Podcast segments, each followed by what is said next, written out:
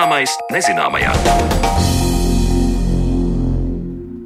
Esiet sveicināti raidījumā Zināmais nezināmajā turpmāko stundu. Šeit ar jums kopā Sandra Kropa. Un šodien mēs pievērsīsimies dažādām idejām un pētījumiem, kas saistīti ar veselīgu dzīvošanu. Par sportu jau parunāsim pavisam drīz.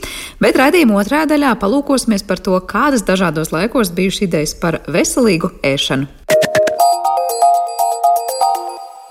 Latvijas Sporta pedagoģijas akadēmijai aizvadītie mēneši un nedēļas saistīti ar būtiskiem jaunumiem pētniecībā. Iesaistoties Eiropas mēroga projektā par iedzīvotāju fiziskajām aktivitātēm un miega kvalitāti, gūti sākotnējie rezultāti un tie ļauj izdarīt secinājumus, cik daudz kustamies, cik labi guļam un kā izskatāmies uz citu Eiropas valstu fonu. Un vēl pavisam nesen durvis vērs vaļā veselības aprūpas sporta izpētes centrs, kas ļautu turpināt pētniecību un studējošiem no augstskolas iziet arī vērtīgu praktisko pieredzi. Uz akadēmiju devās un plašāk to visu izzināja Mariona Baltkalne.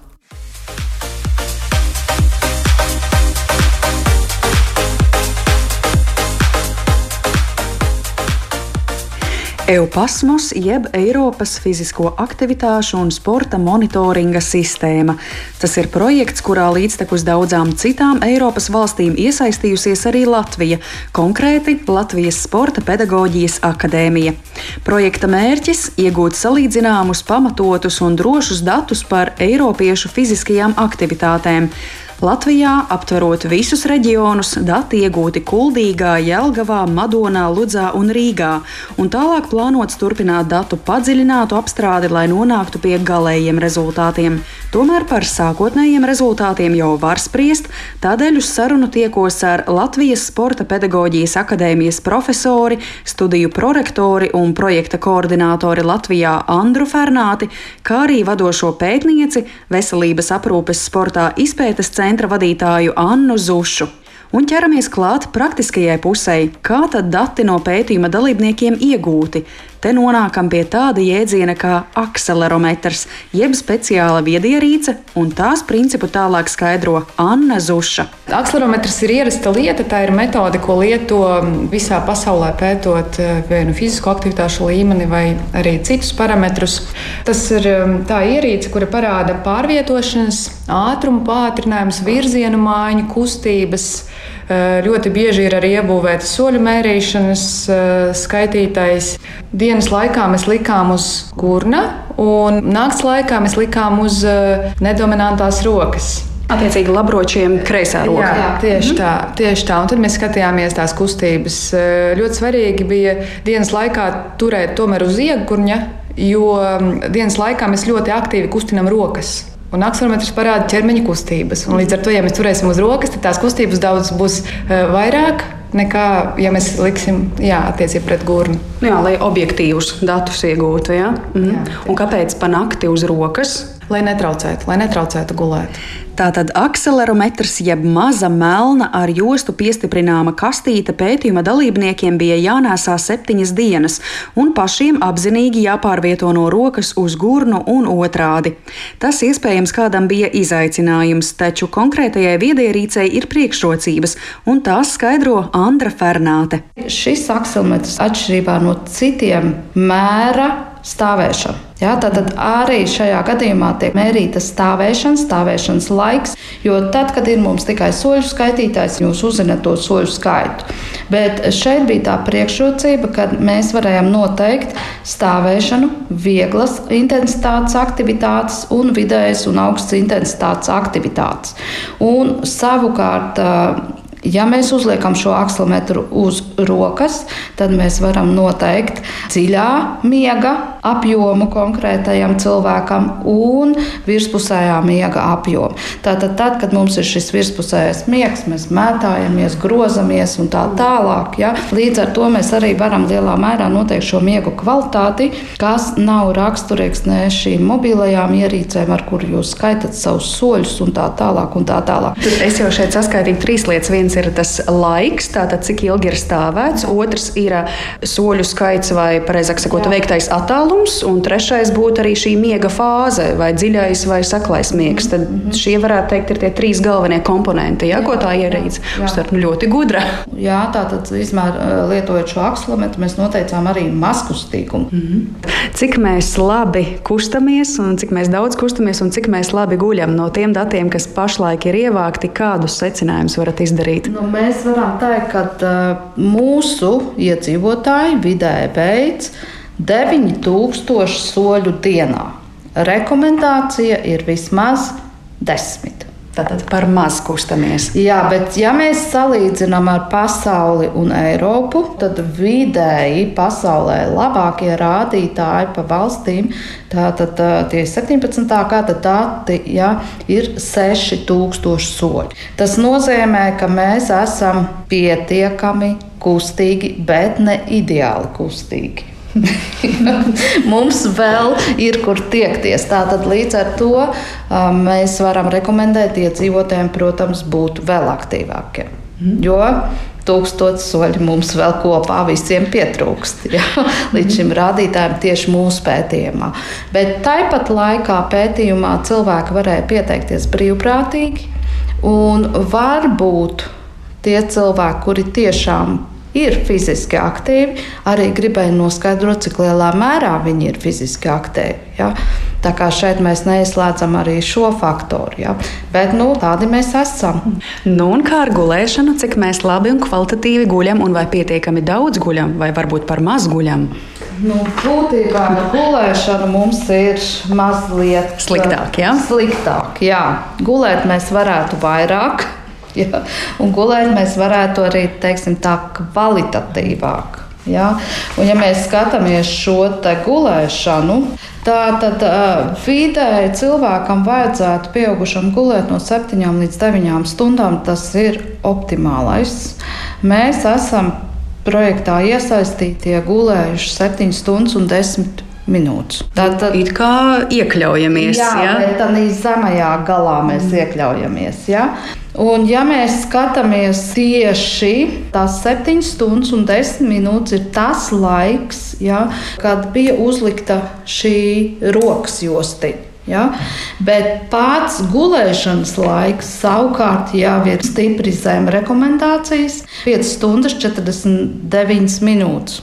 Tātad guļam, diemžēl, daudz par maz. Daudz par maz. Jā. Mm. Dziļam miegam vajadzētu būt vidēji 1 stunda 75 minūtes līdz 2 stundas 25 minūtēm. Vidēji mēs dziļajā miegā esam gulējuši 2 stundas un 9 minūtes. Tā kā mēs esam kaut kur pa vidu, bet to nu, teikt, maksimālo skaitu mēs tomēr nesasniedzam. Savukārt, ja mēs eh, runājam par šo virspusējo eh, miegu, tātad 5 stundas 25 minūtes līdz 6,75, ja, mums šeit sanāk ļoti maz.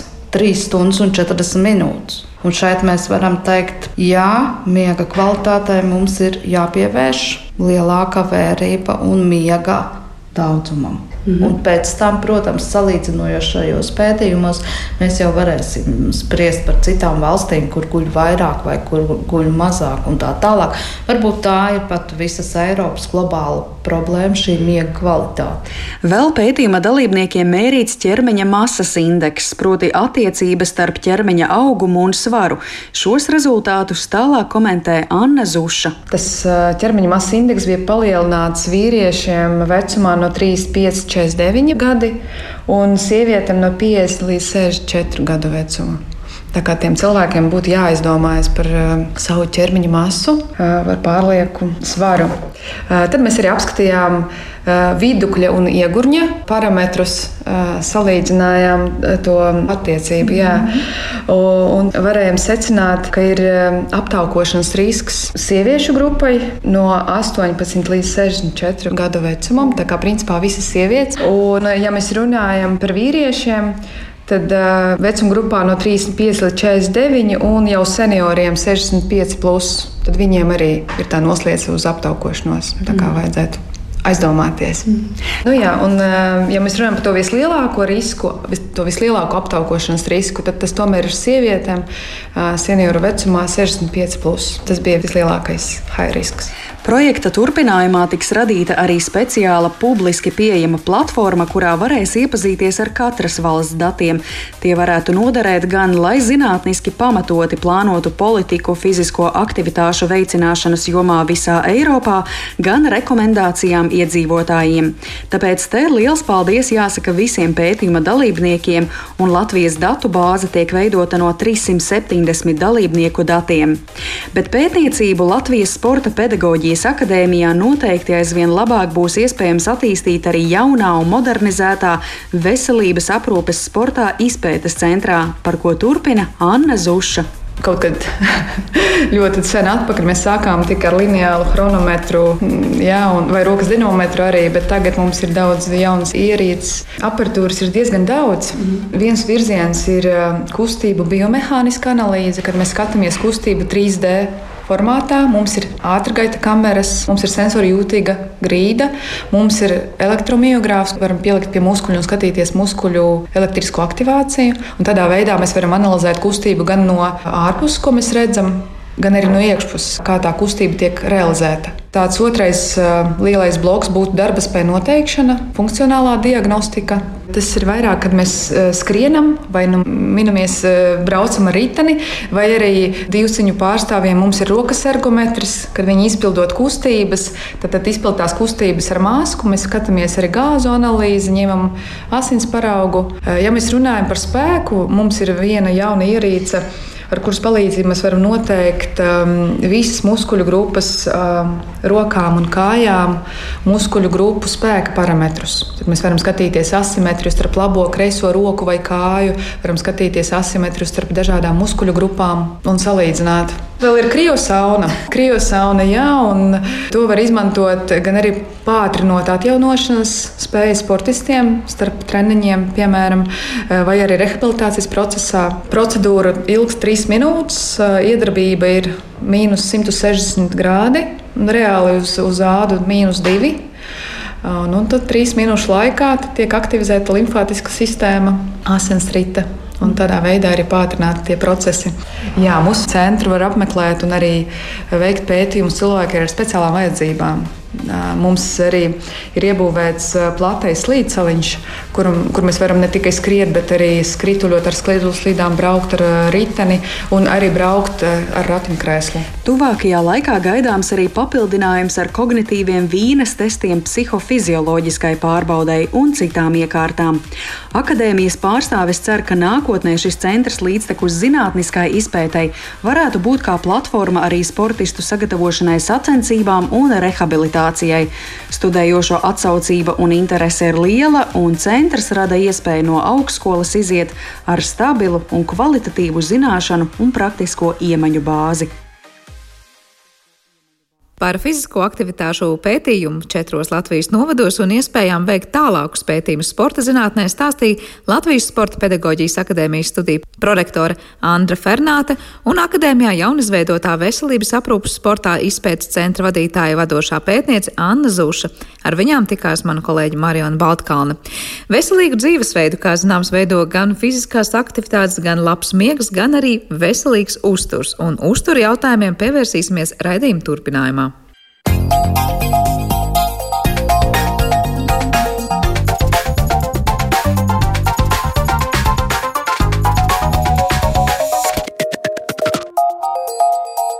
Zināmais nezināmajā. Mūsdienās netrūks daudz un dažādu ieteikumu, kā pareizāk un veselīgāk ēst, un kādas tik diētas būtu jāievēro, lai sasniegtu vēlamo mērķi, kas nu kuram tas būtu. Taču kādas ir bijušas diētas agrāk, un kad cilvēki sāka pievērst uzmanību noteiktam ēšanas režīmam, un kur viņi smēlā zināšanas, lai atrastu sev šķietami labāko. Par to visu mēs runāsim raidījuma atlikušajā pusstundā, kad mēs esam attālināti sazinājušies ar Rīgas Stradiņa Universitātes asociēto profesoru, sporta un uzturu katedras docētāju, arī dietologu Lailu Meiju un ārsti psihoterapeiti, pieaugušo un bērnu psihoanalītiķi Silviju Leinieci. Labdien jums abām! Labdien! Labdien. Vai mēs varam teikt, ka ir kaut kāds atskaites punkts laikā, nu, kad mēs varam teikt, mums ir nojausma, kad varam runāt par to, ka cilvēks sāk plānot, ko un kad ēst un ieturēt kaut kādus noteiktus nu, ēšanas režīmus. Nevis vienkārši, kā saka, paēda, jo bija izsalkuši, un ar to nu viss beidzās. Nezinu, kurai no jums pirmai dot vārdu, varbūt Lailai ir kādas idejas. Jā. Nu, es varētu teikt, jā, ka, protams, jau izsmeļs tiešām cilvēki vienmēr ir arī domājuši ko ēst un kāpēc ēst. Un, ja mēs runājam par grieķu un romiešu laikiem, tad tajā laikā arī bija, protams, savas teorijas atbilstoši mm, tiem priekšstatiem, kas bija tajā laikā par šīm dažādajām šķidrajām organisma vidēm. Un, attiecīgi, kādus produktus ēst, kādiem orgāniem un kādās sezonās, bet ja tajā laikā tas bija vairāk domāts kā veselības uzlabošanai, tad nu, droši vien visvairāk šie dokumentētie dati par dažādām mm, dažādu ēšanas veidu, var teikt, novirzēm, deviācijām, tādiem virzieniem dokumentēti būs nu, tiešām vairāk no 16. gadsimta, kad jau ir arī tādas rakstiski pierādījumi, rakstiskas rekomendācijas. Un tālāk jau tas ir mainījies tik, tik pretējos ieteikumos, nu, kurus mēs droši vien šodien minēsim vēl. Tad es pareizi saprotu, ka līdz tam 16. gadsimtam tiešām tā kā izsakojot, mēs varam teikt, tas ir klaitāts veselības uzlabošanas, un tas, ko jūs redzat, ko nu tur cilvēki mēģināja ēst, bija tas veselīgais ceļš. Un pēc tam parādās, kā, jā, kā viņi iztas mērķi. Es domāju, tādā ziņā, ka mērķis bija uzlabot veselību, bet tieši mazināt svaru, eh, koriģēt savu figūru ar ļoti dažādiem drastiskiem veidiem. Eh, tas, tas parādījās vēlāk. Tie pirmie mērķi tādi nebija. Tā problēma jau arī, protams, parādījās vēlāk. Mm -hmm. Silvija, vai jums ir kas piebilstams par to, kā no psiholoģijas viedokļa vispār jūs uzlūkojat to ēšanas traucējumu vai veselīgas ēšanas vēlēšanās motīvus, nu, vēsturiski? Tātad, ja mēs domājam par ēšanas traucējumu vēsturi, ja, pirmie apraksti ir nākuši no 14. gadsimta, kad dzīvojusi ir Katrīna no Sienas, kas ir dzīvojusi 1347. gadā, kas ir ilgstoši badojusies un nomirusi no bada. Tādējādi kļūstot par vienu no pirmajām ēšanas traucējumu pacientiem vēsturē. Tāpēc eh, iespējams, ka ēšanas traucējumi ir bijuši daudz agrāk, eh, vienkārši viņi nav īsti eh, novērtēti un aprakstīti. Tā ka mums ir skaidrs, ka vēlēšanās samazināt svaru vai ka cilvēki nav bijuši apmierināti ar savu ārēju izskatu, tas pavisam noteikti nav nu, pēdējā laika parādība. Uh, Laila, jūs te minējāt pirms brīža, kad sākumā ir bijusi tiešām tā vēlme rūpēties par veselību un tikai pēc tam par to svara zaudēšanu. Vai ir ziņas par to, ka tās metodas, kādā cilvēks saprata, kas ir tā veselīgā ēšana, pat tiešām bija veselīga? Nu, protams, iepriekš šie, šie priekšstati bija absolūti atšķirīgi, kā te ir mūsdienās. Tātad, ja tie bija šie šķidrumi, kas tika arī definēti kā dažādas krāsas, kas ir sarkanā, kā, kā asinis un gaisa, zeltainā kā žults, melnā kā zeme un, un šī žults un ūdens kā zilā krāsa.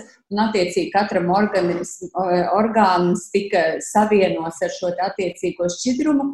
Un arī, protams, arī tika aprakstīts, kurā vecumā kas mainās. Un, piemēram, ja ir um, šie arī vecāki cilvēki, ja viņi ir vairāk augsti, tad viņiem vairāk ir vajadzīgi šie, te, lai saka, šo te temperatūru ce, ce, ceļoši pasākumi, un ka viņiem arī nav tik bīstami, piemēram, augsta temperatūra, kas šaubām nesakrīt ar šiem te mūsdienu priekšstatiem. Jā, tad, jā, es minēju to vēlākus gadsimtus, bet ir jā, viens ziņojums tiešām par šo svara zaudēšanu, kas ir no 1028. gada, kad kad teiksim, arī var teikt, šķidrās diētas pirmsākuma, bet šī šķidrā diēta ir sastāvē tikai no alkohola. Jā, tas bija jā, viens um, augstzīmes kungs, kurš izvēlējās lietot tikai alkoholu.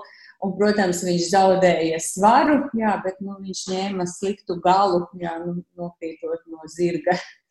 Jā, un pēc tam ārāk jau šie te, šīs te arī šie te šķidro diētu veidi tika, var teikt, modificēti dažādi. Ja, tas ir arī tas, tas, jau, tas ir tāds vairāk dokumentārs, kas ir Venecijā, jā, 16. gadsimts, kur arī viens augstzemes kungs izvēlējās ierobežot tātad šo te ēdienu, ļoti neliels ēdienu daudzums, 300 40 gramu dienā, un savukārt un pārējais sastāvēja no vīna. Un viņš tiešām nodzīvoja pietiekami ilgi, vismaz nu, cik tie dati ir precīzi, un no tā laika tad ir jā, šī aprakstīta kā ilgdzīvošanas vai nemirstības diēta. Bet, protams, tur jau ir daudz, daudz nezināmi jautājumi šajā saistībā. Jā, interesanti, ka no ēdiena cilvēki bija gatavi pavisam pat brīžiem atteikties, bet no tā alkohola nē. Tas ir dominējis visos laikos, kā neatņemama sastāvdaļa tiem, kas tomēr par to ēšanu domāja, bet nu, par to vīnu vai kādu citu alkoholu neatteicās. Jā, nu tā, un tā kā, piemēram, arī, kas ir 960. gadā, tad jau ir arī jau šie citi dzērieni, ka šī te, mm, tā, kā lai iztūko pareizi, dzeroša vīrieša diēta, kas arī varētu daudziem e, šis ļoti pievilcīgi, ja, ka viņi ēd galvenokārt steiku, zivis un, un alkoholu tik daudz, cik vien vēlās. Ja, nu, tajā īstermiņā tas palīdz šo svaru mazināt, jā, nu tās tālākās sekas, protams, nav, nav aprakstītas pietiekami. Runājot par tiem tālākajiem gadsimtiem, vai ir kādi produkti vai tās diētas kā tādas, ko jūs varat minēt, nu, kas mūsdienu varbūt cilvēkam liktos nu, vēl ļoti saudabīgs risinājums, līdzīgi kā tagad nu, alkohols, cik vien varam, un zivis un steiks, un viss notiek, bet um, kur, kuri produkti tika uzskatīti par tādiem nu, labākajiem svara zaudēšanai? Nu, kā, kā gan, gan iepriekšējos gadsimtos, gan mūsdienās, mēs visi redzam, ka šie produkti, kas tiek reklamēti, vai kā viens unikāls produkts, kas ieviesīs e, gan fizisku, gan garīgu laimi, labsajūtu un mūžīgu dzīvošanu, ir kardināli pretēji. Mēs redzam, kā ir vegānisms, piemēram, un ir šīs obaltuma un ketogēnās diētas, kas ir diezgan pretpoli, bet es es vēl minēšu Eh, kas ir no šiem te, no vēsturiskiem piemēriem, šie ēšanas veidi arī ir ļoti, ļoti dažādi, kas tika rekomendēti. Mēs zinām, ka mūsdienās, piemēram, arī joprojām ir viens, viena rekomendācija, kas iesaka ēst tik pēc divām, trīs stundām, lai kontrolētu svaru, un savukārt arī vienlaicīgi ir arī šī te, uh, intermitējošā vadošanās, kas ir gluži pretēji neēst ilgāks laika periods, vēsturiski arī tas, kā, kā rekomendējas, piemēram, gremot un spļaut ārā. Bija tāda viena ļoti populāra. Tad ir e, speciāli tāda mm, diēta arī rekomendēta, kam ir savs, savs fizioloģisks pamats, bet, protams, stipri pārspīlēts šī te slečerisms, ka vajag sakožļāt barību ļoti labi, ēst e, nu, tādus pilnvērtīgus produktus, bet kožļāt 700 reizes nu, ko, saprotams, ir diezgan grūti iedomāties. Un tad, eh, protams, ko, ko šim ēdienam pievieno šīs brīnumainās vielas, varbūt no tādiem paradoxāliem, tā ir eh, lenteņu diēta, kas ir pat tādas reklāmas atrodamas, kur šos lenteņu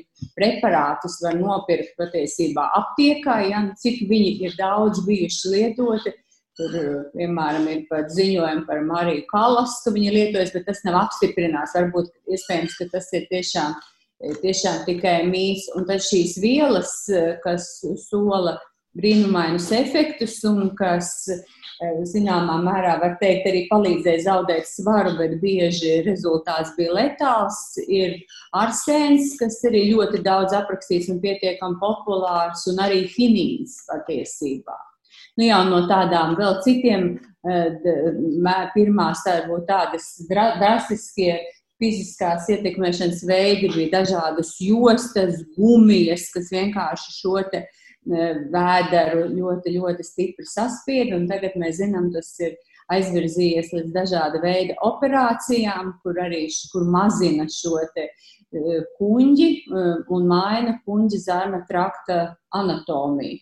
Bet arī mūsdienās var teikt, nu, jāsaka, arī profesionāli diezgan dīvaini šie risinājumi, bet tie tiešām ir medicīniskajās datubāzēs arī aprakstīti, piemēram, arī tāda kā stoma, nu, ka cilvēks faktiski ēd un viņam ir puņģīta caurlīte, pa kuru tas ēdiens iznāk ārā, un tad viņi vienkārši izmet ārā. Tas, jā, tas ir arī samērā, teiksim, neētiski, es uzskatu.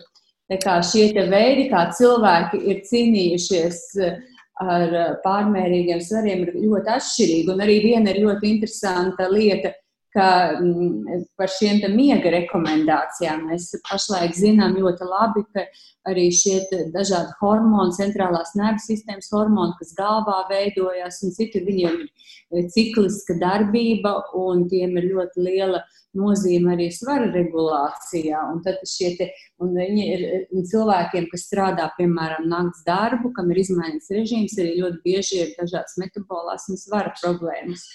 Un mūsdienās mēs rekomendējam, lai ir labs eh, miega režīms. Tad šīs vēsturiskās re rekomendācijas arī bija ļoti dažādas. Līdz eh, no rekomendācijas, ka nedrīkst gulēt naktīs, ka nedrīkst ļaut tukliem cilvēkiem ilgstoši gulēt, līdz gluži pretēji guļošās skaistules diēta, kas ir, kad piespiež speciāli gulēt, kad dienā noguļ 14-15 stundas un pat lieto speciāli miega zāles dažādas Jo normāli cilvēki jau tā nevar nogulēt, eh, lai vienkārši lai nēstu tajā laikā. Tā kā šī, šī vēsture ir tiešām, tiešām pilna, pilna, pilna paradoksu. Un tāpēc arī es, jā, tas bija mans ierosinājums, jā, uzaicināt Silviju, lai, lai, lai Es domāju, ka tas Silvija paskaidrot šos ļoti kontroversālos uh, ieteikumus. Protams, ļoti dažādi ieteikumi, to rezultātu īstermiņā arī palīdzējuši ir sasniegt. Ja? Bet man jautājums Silvijai par to, ka nu, tiešām klausoties lēlā, liekas, no viena grāvja otrā, tas ir viens, kas ir bijis cilvēkiem, bet otrs Nu, kāpēc tieši tā ārējā izskata vai tā svara zaudēšanas mērķa labad cilvēki ir bijuši gatavi iet uz nu, tikpat tiešām šaušalīgiem eh, stāstiem un metodiem? Jā.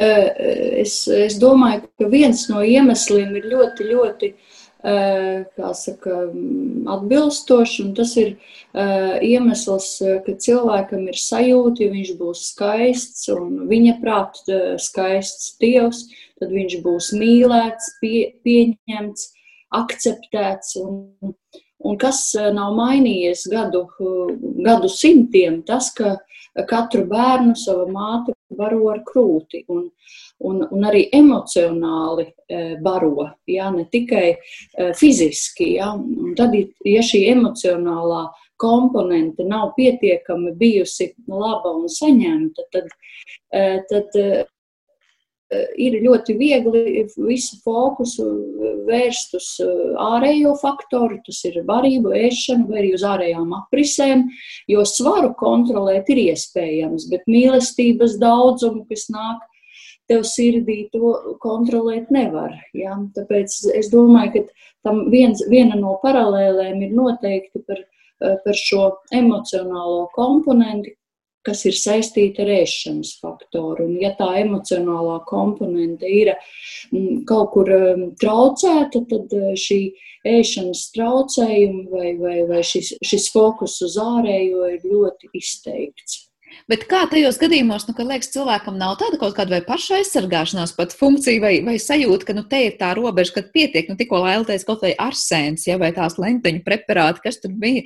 Nu, liekas, tas ir kā iet pilnīgi pret pat savu vispār dzīvības un veselības jautājumu. Kāpēc cilvēkiem tikko tas ir apmātība ar to ārējo izskatu, kas, jā, mēs saprotam, no kurienes tā var teikt, ir, ir cēlusies? Nav kaut kāds brīdinājums signāls, kas saka, tik tālu es tomēr nē, un arsēnu es gluži nedzeršu.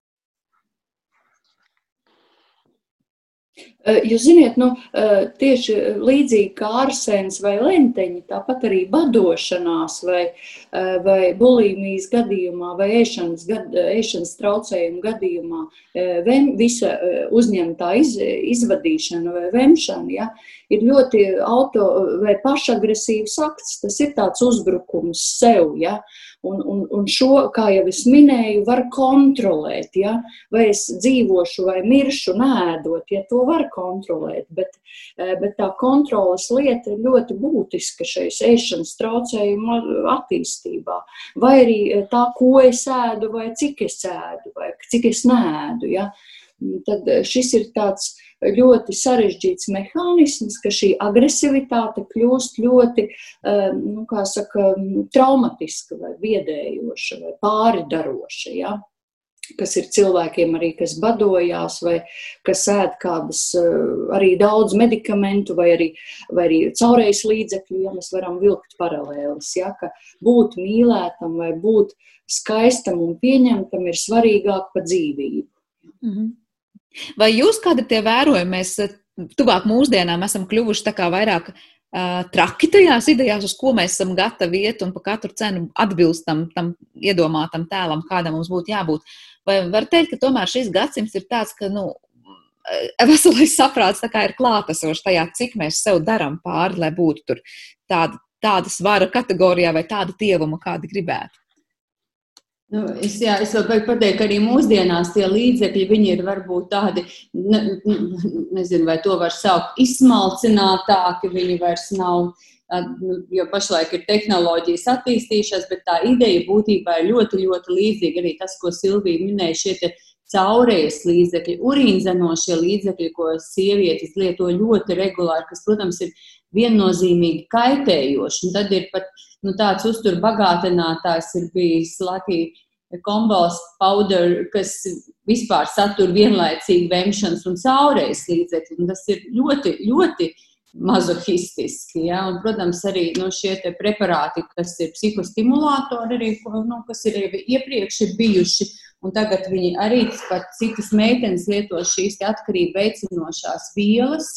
Skolniecis, teiksim, ja, lai, jo tas tiešām ietekmē šo metabolismu, un e, šī svara zaudēšana notiek. Ja, bet tā ir vēl papildus šī paša agresija. Tā kā, man, man turpinās citās formās. Un visam īsi jautājums, vai Silvija ir ko piebilst par to, kā tas mainās no psiholoģijas puses šobrīd, un tad lai, lai papildus jautājumu par tiem dažādiem produktiem, kā mainījušies.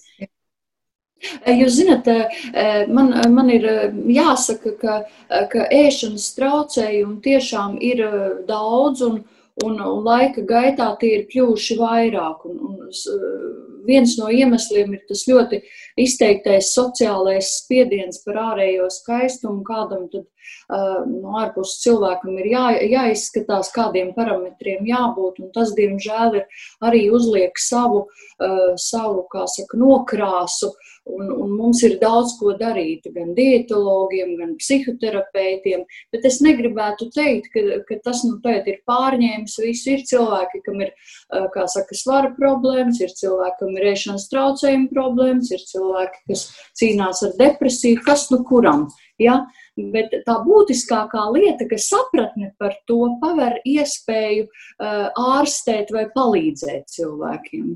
Laila, kā jūs teikt, nu, tikko to, ko Silvija minēja, kā šis laikmets būtu raksturojams, mēs kļūstam tādi uz zināšanām vairāk balstīti un atrodam sev labāko veidu, tad kā tomēr tikt ar tām mēršanas traucējumu lietām galā, vai tomēr esam ar galvu stūrī un skrienam pilnīgākā strupceļā?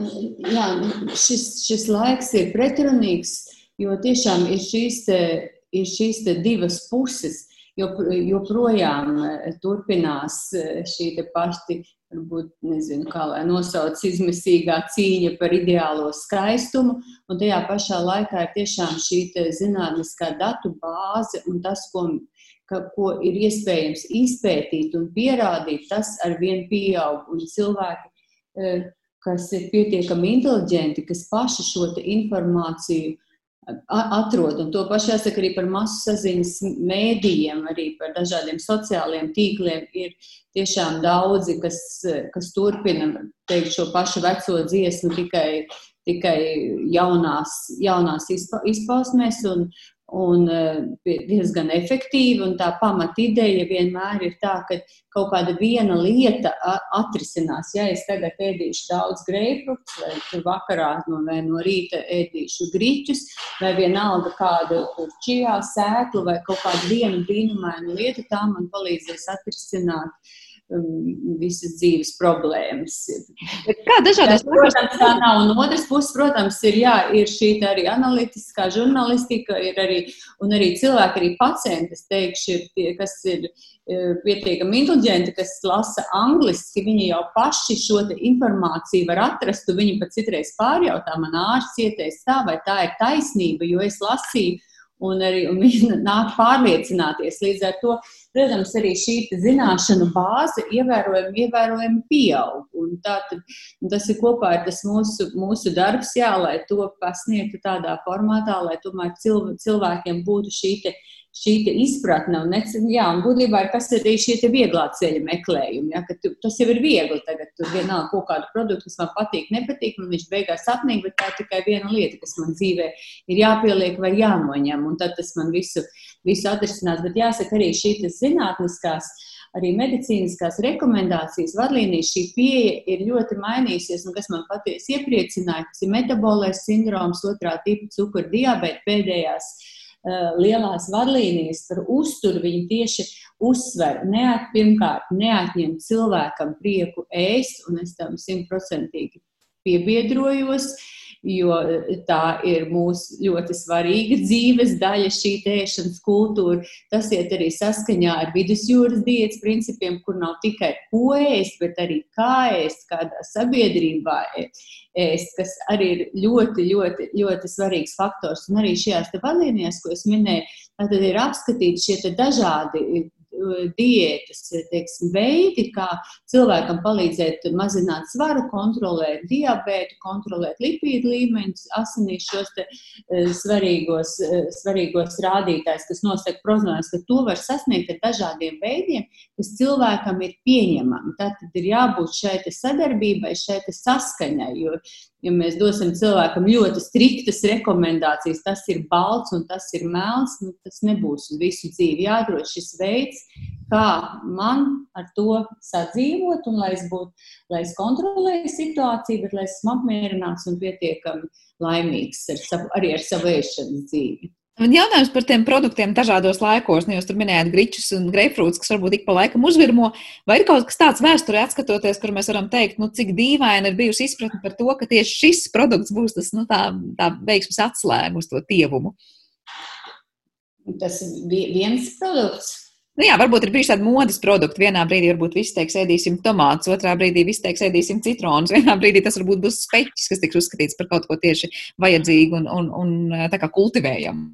Ne, nu, protams, vēsturiski arī bijuši šie iz, izslēgti saka, miltu un cietu, cietas produktus, jā, bet no šiem miltu produktiem domājot to, ša, tiešām šos rafinētos miltus, kas patiesībā bez šaubām saskan ar, ar mūsdienu priekšstatiem. Nu, cieta jau ir arī ļoti daudzos, nu, kas ir visos pilngraudu produktos, tikai ar šo, te, ar šo te pievienoto vērtību.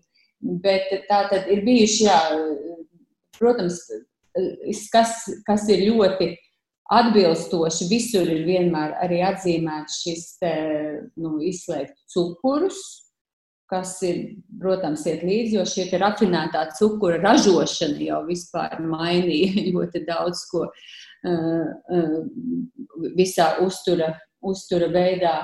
Un tātad, jā, un arī šie te tiešām šis te Grahams, kas ievies šos te sāka runāt par pilngraudu produktiem, par šķiedrvielām. Pašlaik mēs zinām, jā, ka šie šķiedrvielas, arī graudaugu šķiedrvielas jau tiek apskatītas jau, jau, nu, jau ar ļoti augstu pierādījumu līmeni ļoti dažādos aspektos.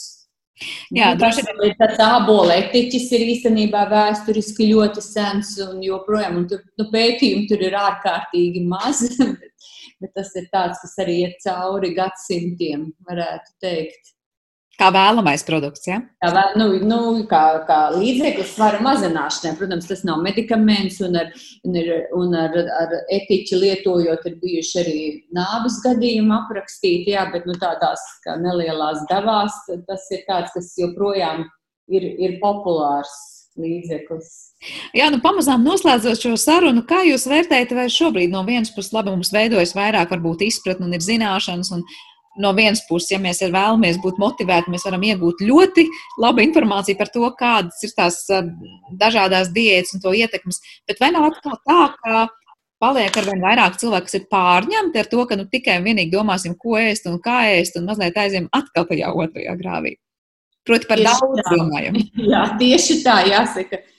Paldies par jautājumu, šī norāstā frāze, jo šādi, tas, tas tā tiešām tas ir, tas ir precīzi otrs grāvs, jo ēšana, protams, es esmu dietologs, es nodarbojos ar uzturzinātni, pati nodarbojos ar pētniecību, un es redzu uztura nozīmi ietekmi, gan slimību gaita ietekmē, gan prognozi, gan profilaksē. Bez šaubām tā ir ļoti būtiska, būtiska daļa, un šo uzturu mēs, protams, varam ietekmēt. Tā ir tā maināmā riska faktora daļa.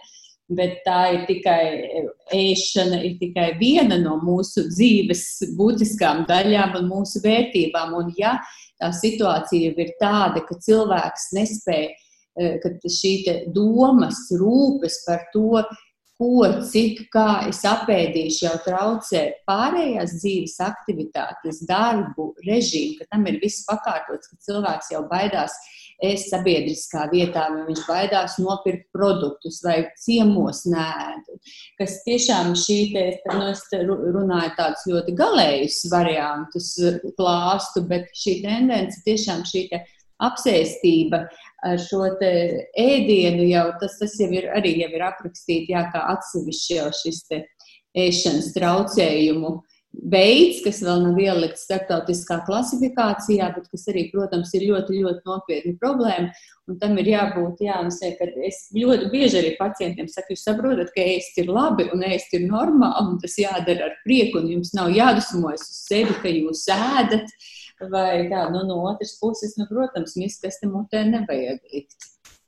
Jā, liels paldies par šo tādu ieskrējienu, var teikt, ēšanas traucējumu vēsturē un arī tajā, kāda ir bijusi izpratne par to, kas ir un kas nav jāēd. Bet no vienas puses tiešām var teikt, esam tādā laikmetā, kad vairāk zinām, bet tajā pašā laikā pārspīlēti atkal pār, pārlieku domājot un visu dzīvi griežot ap to ēšanas jautājumu, arī mazliet tā kā braucam otrajā grāvī.